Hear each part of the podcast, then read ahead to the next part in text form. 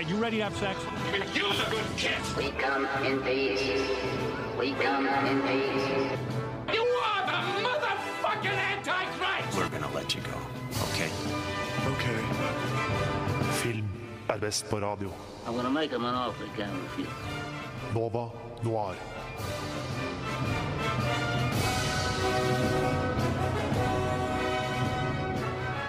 Hei og velkommen til Nova Noir her på Radio Nova. Og jeg, Embla Aaslein, er ikke med noen i studio i dag. Det er kun meg. Og det er fordi jeg skal lose dere gjennom en litt uvanlig sending. Vanligvis sitter vi jo sammen, men i dag så skal vi bare gi lufta rundt fra person til person som skal få lov til å snakke om akkurat det de selv har lyst til. Og førstemann ut er Ludvig. Ludvig er medlemmet som har vært med i Noir lengst, og som er full av gode fakta, kan masse om film. Og nå skal han få lov til å brife litt. Han skal nemlig ta lufta med noen tilfeldige filmfakta. Eh, disse kan jo du stjele og bruke på vors, nå som man kan feste hjem. Så da er det bare å si vær så god, Ludvig.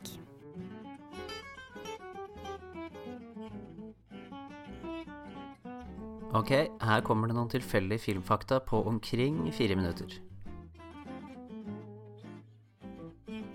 Den første fiksjonsfilmen som bikket en time, var den australske westernfilmen The Story of the Kelly Gang fra 1906. I dag eksisterer ca. bare rundt 17 minutter igjen av originalfilmen. Stalag 17 er en krigsfilm om amerikanske soldater som tilbringer julen i det titulære bygget i en tysk fangeleir under annen verdenskrig.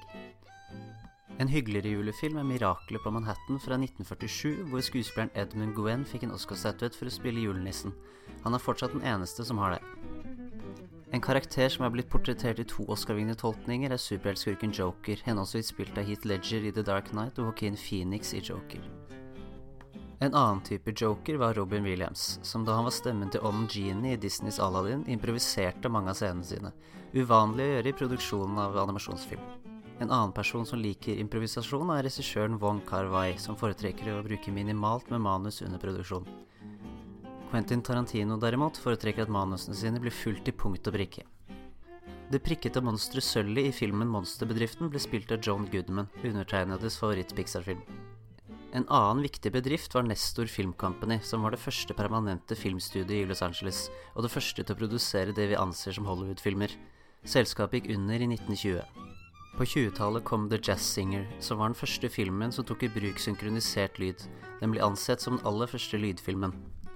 The Sound of Music fra 1965 er den økonomisk mest vellykkede musikalfilmen hvis man justerer for inflasjon. Den mest vellykkede er Tatt av vinden fra 1939, som dro inn tilsvarende nesten 4 milliarder kroner i dagens penger på kino. Den eldste kinoen som fortsatt står, er Eden teater i La Ciotat sør i Frankrike. Den åpnet i 1889. Charlie Chaplin ble født i 1889. Han skal angivelig ha vært med i og tapt en look-like-konkurranse for hans velkjente filmfigur Landstrykeren. Den legendariske spagettiscenen i Disney-filmen Lady og Landstrykeren skal Walt Disney selv visstnok ikke ha ønsket med i filmen originalt.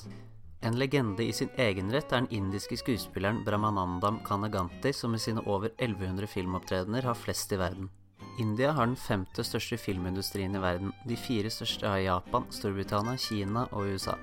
The Big Five er kallenavnet til Oscar-prisen for beste film, beste mannlige og kvinnelige hovedrolle, beste regi og beste manus. Bare tre filmer har vunnet alle fem.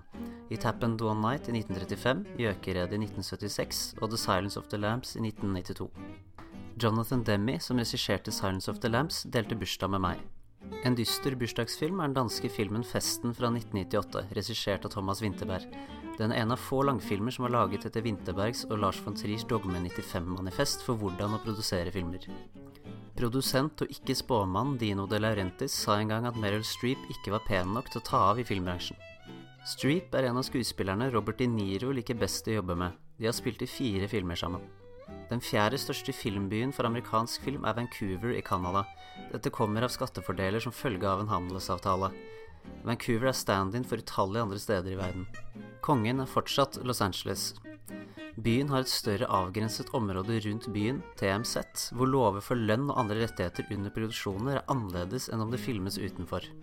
I verden per nå finnes det omkring 500 000 fiksjonsfilmer, men det eksakte tallet er usikkert.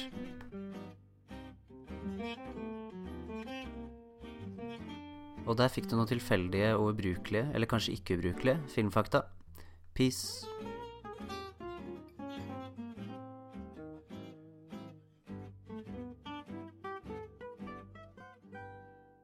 Det var Ludvig med tilfeldige filmfakta. Veldig gøy. Nå har vi lært litt. Du Du hø hører på. Radio Nova. Neste person ut, det er Karin. Karin er vårt nyeste medlem. Hun går musikkvitenskap, men heldigvis for oss kan hun også masse om film. Nå skal hun glede oss med å snakke om en av sine favoritter, nemlig prinsesse Mononoke.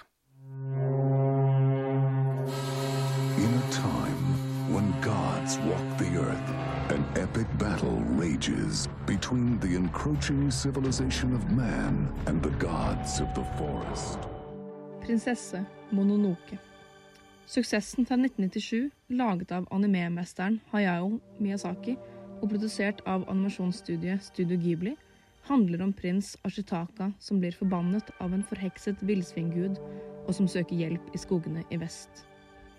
Hans mål er den store skogguden Shishigami, som ser ut som en slags hjort. På veien reiser han gjennom jernbyen. I jernbyen kjemper lady Eboshi, lederen av landsbyen, en krig mot skogens ånder, slik at hun kan trekke ut skogens ressurser til sitt folk. Stammer av intelligente villsvin, aper og ulver forsvarer skogen sammen med Sand for å overvinne lady Eboshi. Det er karakteren Sand som er opphavet til filmens tittel, prinsesse Mononoke. Sand har blitt oppdratt av ulver i skogen og kjemper for å ivareta skogens mangfold. Ashitaka blir stående i midten mellom de to sidene, og ender- ender opp på siden til Sand etter en fæl hendelse mellom lady Eboshi og Shishigami. Now, the fate of the world rests on the courage of one fearless princess I'm not afraid to die, and I would do anything to get the humans out of here. and one brave warrior. Fight like a demon, boy. Like something possessed. Now watch closely, everyone. I'm going to show you how to kill a god. Vi kjenner alle til Studio Ghiblis gjenkjennelige animasjonsstil, og prinsesse Mononoke plasseres godt i rekken etter andre velkjente filmer.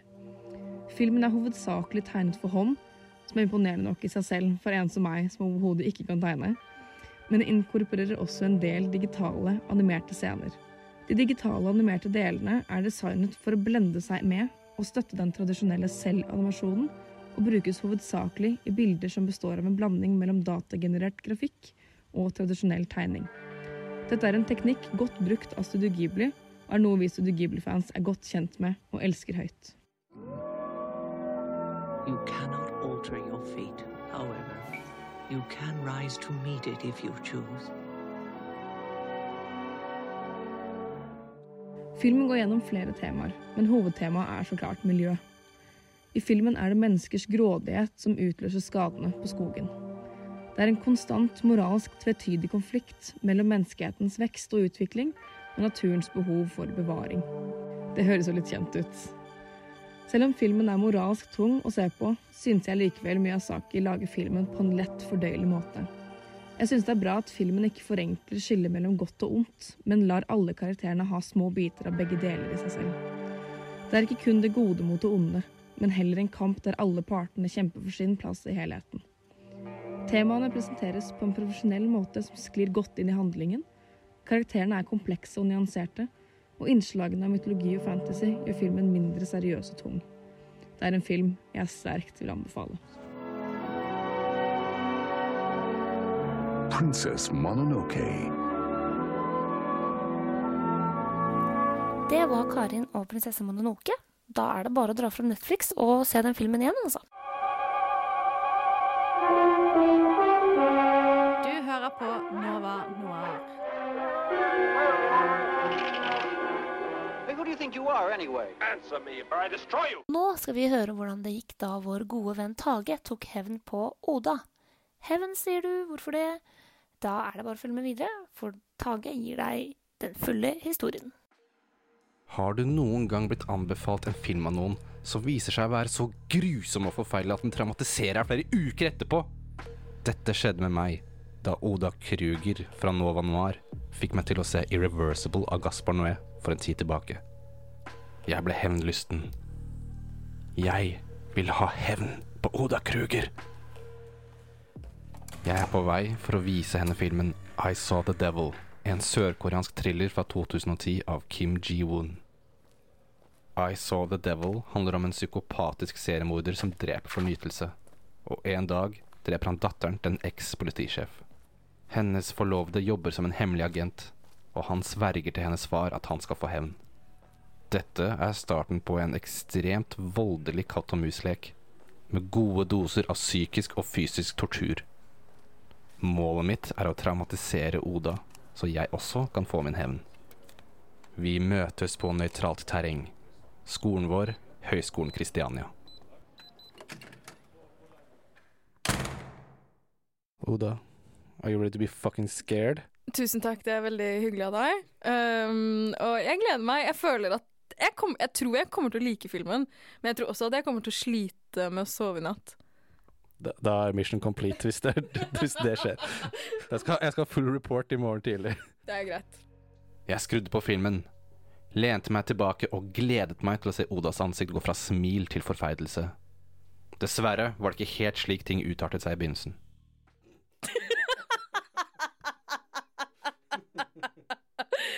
Nå er det et kjærestepar som snakker på telefonen, og han er sånn badass. Det er tydelig at han er en eller annen form for sånn security guard eller noe sånt noe.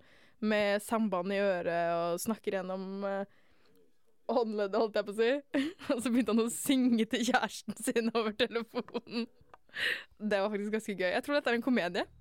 En tøff nøtt å knekke, tenkte jeg. Men det gikk ikke lang tid før filmen tok en vending, og et snev av alvor traff øynene hennes.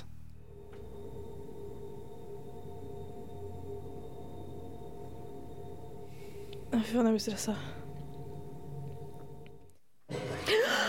Shit. Æsj.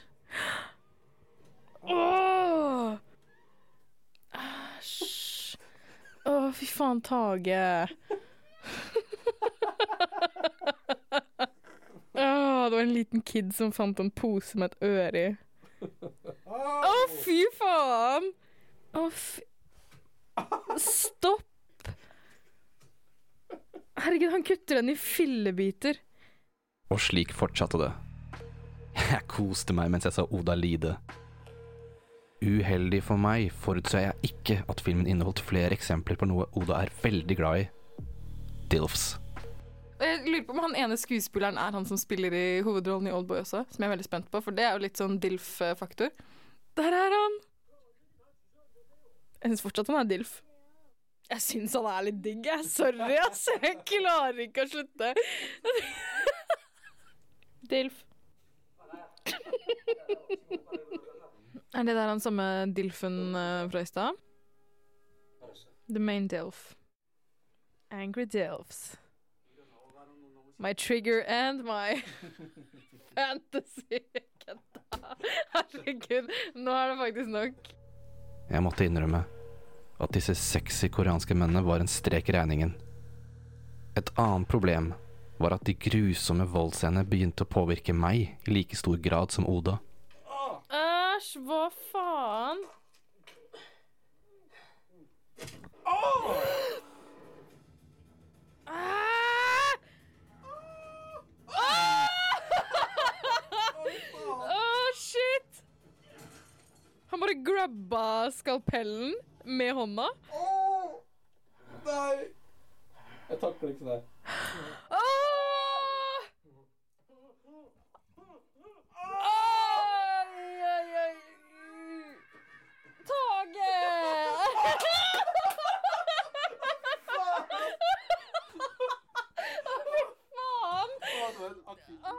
Dette var et setback, og det ble ikke bedre når skurken i filmen begynte å grave i sin egen diaré. Så nå skal eh, slemmingen ta avføringsmiddel for å drite ut uh, GPS-pilla si. Altså, jeg kan ikke tro at de viser ah!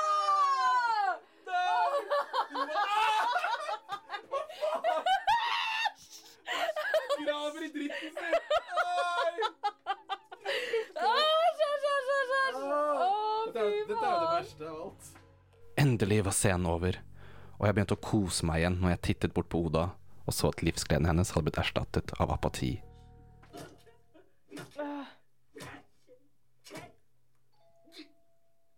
Jeg hater det der så mye. Nei. Jeg har skrudd av hjernen nå. At this point, I am broken and dead. Når vi omsider nådde filmens klimaks, der skurken blir halshugget foran sin familie, så klarte jeg ikke la være å le hysterisk. Sier dette mer om meg enn Oda?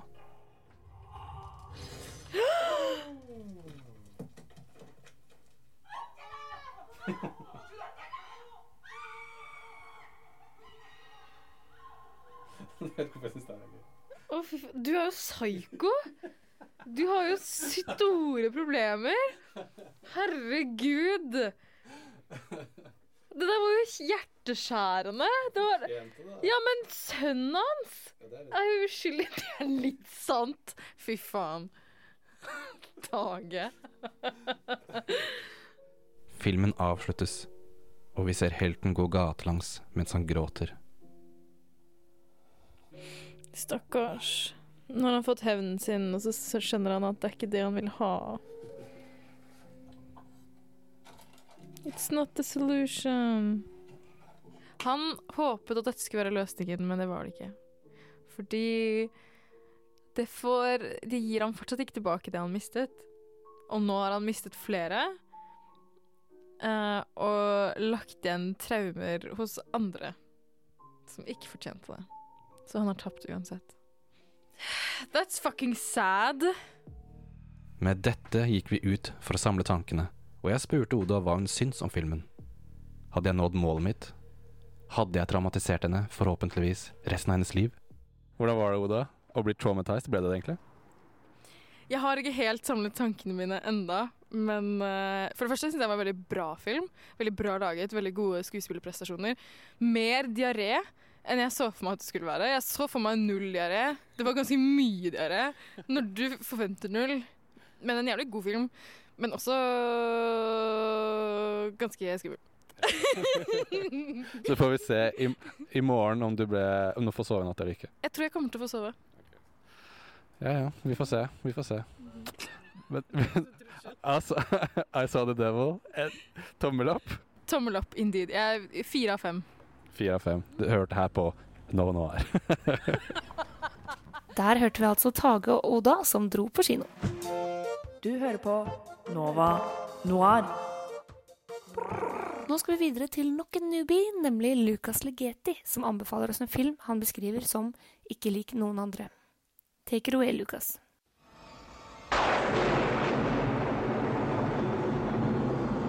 Beyond the realm of human desire, there is a darkness. Well, that's why I'm with you. Because you say I for me. Love opens to absolutely unknown horizons. Om du er lei av å se det som blir sett på som vanlige filmer på Netflix og HBO, og craver noe crazy utenom det vanlige, tror jeg filmen 'Possession' av André Zulavsky er akkurat det du ser etter. Det er en skrekk slash dramafilm som ikke er lik noen andre filmer. Den ble utgitt i 1981 og fikk mye anerkjennelse fra filmkritikere, men skapte også mye reaksjoner. Filmen var bannlyst i Storbritannia nesten 20 år, og i USA klippet de vekk over en tredjedel av filmen siden de mente at flere scener ikke var passende. Dette er nok en av grunnene for at filmen kanskje ikke har blitt like kjent som kanskje kunne ha blitt. Filmen handler om Anna, en ung kone som forlater mannen og sønnen sin av en uspesifisert grunn. Mark, som er mannen, bestemmer seg for å finne ut av sannheten og begynner å følge kona. Først mistenker han at hun er utro, men gradvis finner han ut mer og mer forstyrrende atferd og bisarre hendelser. Han innser at Annas kjærlighetsliv ikke er slik som det virket som. Annas besettelse har en grusom prosess, og ingenting vil stoppe henne fra å nå sitt endelige mål. To show it to you. The darkness is forever. Possession.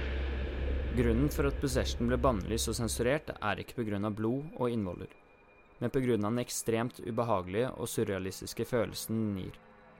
Sam Neill fra Jurassic Park spiller hovedrollen Mark, og Isabella Gianni spiller kona, Anna, som hun senere vant beste skuespillerinne for i Cannes. Filmen inneholder de mest over the top, eksentriske og beste opptredener jeg noensinne har sett.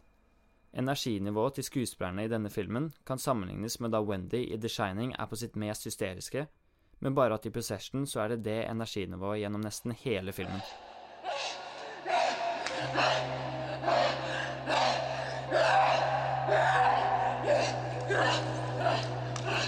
Selv om Isabella Gianni spiller vanvittig bra og vant beste skuespillerinne i Cannes, så var det mye med denne filmen som preget henne i lang tid. Isabel var i psykiatrisk terapi flere måneder etter filmen var ferdig, og det sies at hun kuttet seg selv rett etter hun så filmen for første gang, siden hun syntes den var så forferdelig å se på. Isabel sier også i et intervju at det var en spennende film å være med på, men at hun aldri ville ha gjort det igjen.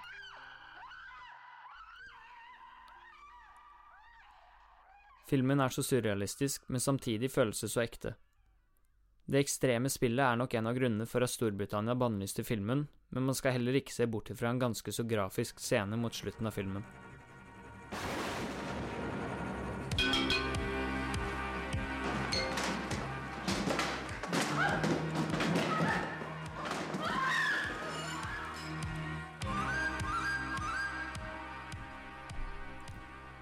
Possession har mange likheter med David Lynch sin Eraserhead, med tanke på at de begge filmene tematiserer mislykket ekteskap, utroskap, og begge har noe med å gjøre med et slags monster.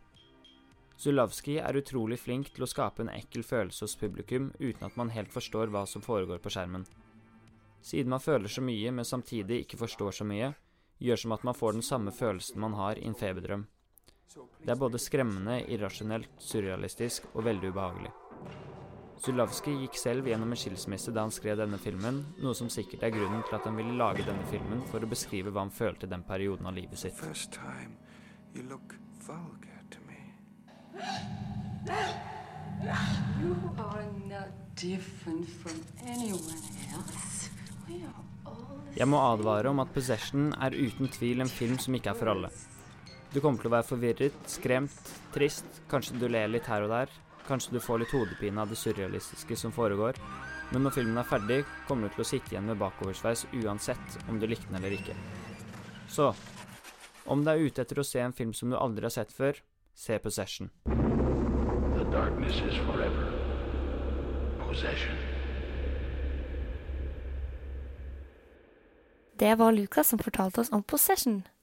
Den fikk jeg veldig lyst til å se. Jeg gjetter at du lytter er enig med meg der.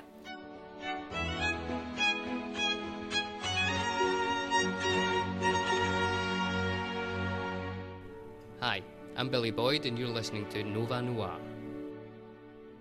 stupid fat hobbit. Nå har vi sist ut Kim.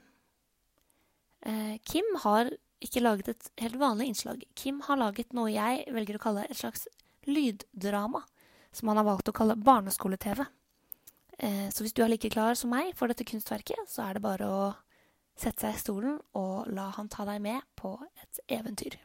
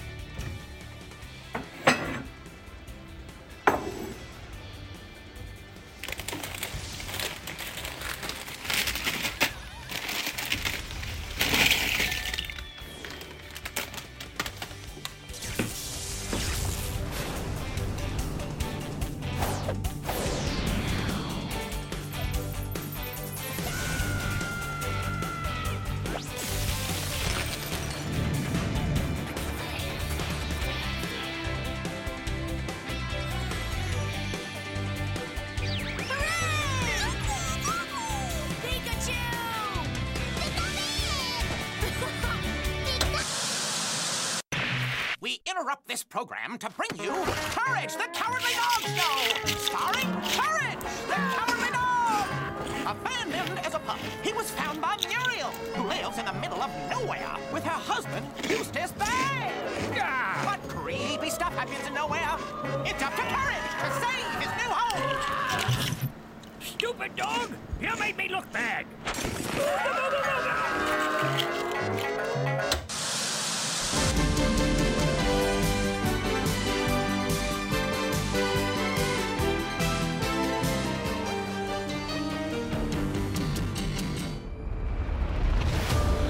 American?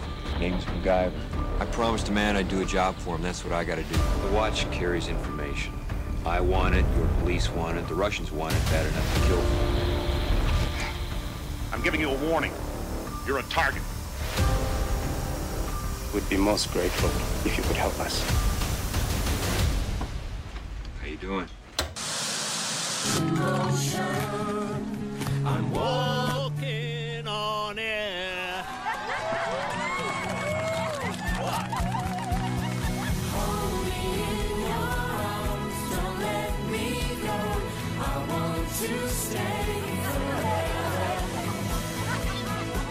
Join us. Submitted for your approval, a young man with dreams who is about to find out that when you lose respect for reality, Reality. Who needs it? reality has a way of catching up with you. You don't belong here. And you might find yourself running from. He's men in black. So don't go to sleep and watch an all-new alternate Goosebumps next Saturday at 9. The master of kid suspense, R.L. Stein, brings your favorite books to life in a thrilling Fox Kids television series. Things are not always what they appear to be. Goosebumps on Fox Kids Fridays after Batman and Robin. Watch it with a friend.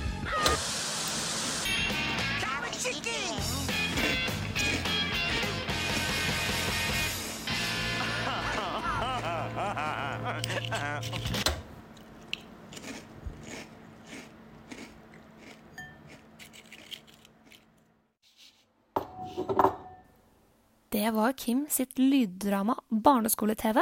Kjente vi på nostalgi der, folkens? Veldig, veldig gøy. Nå har du fått noen varme anbefalinger fra redaksjonen vår idet fem innslag tok lufta. Men ikke fortvil, vi kommer tilbake neste uke. Da er vi live tilbake i studio, klare for å krangle og kose oss igjen. Eh, Jeg ønsker deg en strålende torsdag, og lykke til videre inn i høstmørket. Kos deg med denne rødvin- og stearinlyssesongen, og så ses vi her på Radio Nova hver torsdag i hele høst. Nova Noir. Nova Noir. Nova Noir. What the fuck? Nova Noir. Vi sitter her hver torsdag fra 10 til 12.